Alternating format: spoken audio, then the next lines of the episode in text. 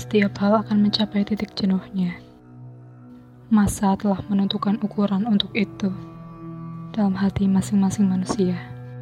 Jika saat itu tiba, aku akan mengasingkan diri ke dalam rimba kesunyian, menelusur kembali jalan-jalan yang pernah aku pijak, melalui jejak yang masih bisa aku kenali warnanya.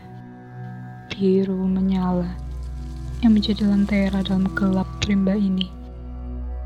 Jika sudah kurasa cukup, aku akan kembali. Setelah ritual tuai air mata, aku lakukan di atas tanah yang sebelumnya telah aku garis, sehingga membentuk persegi. Dalam ritual itu, yang kubutuhkan hanya satu atau dua tetes air mata dari mata sebelah kiri. Lalu aku hanya perlu menutup mata.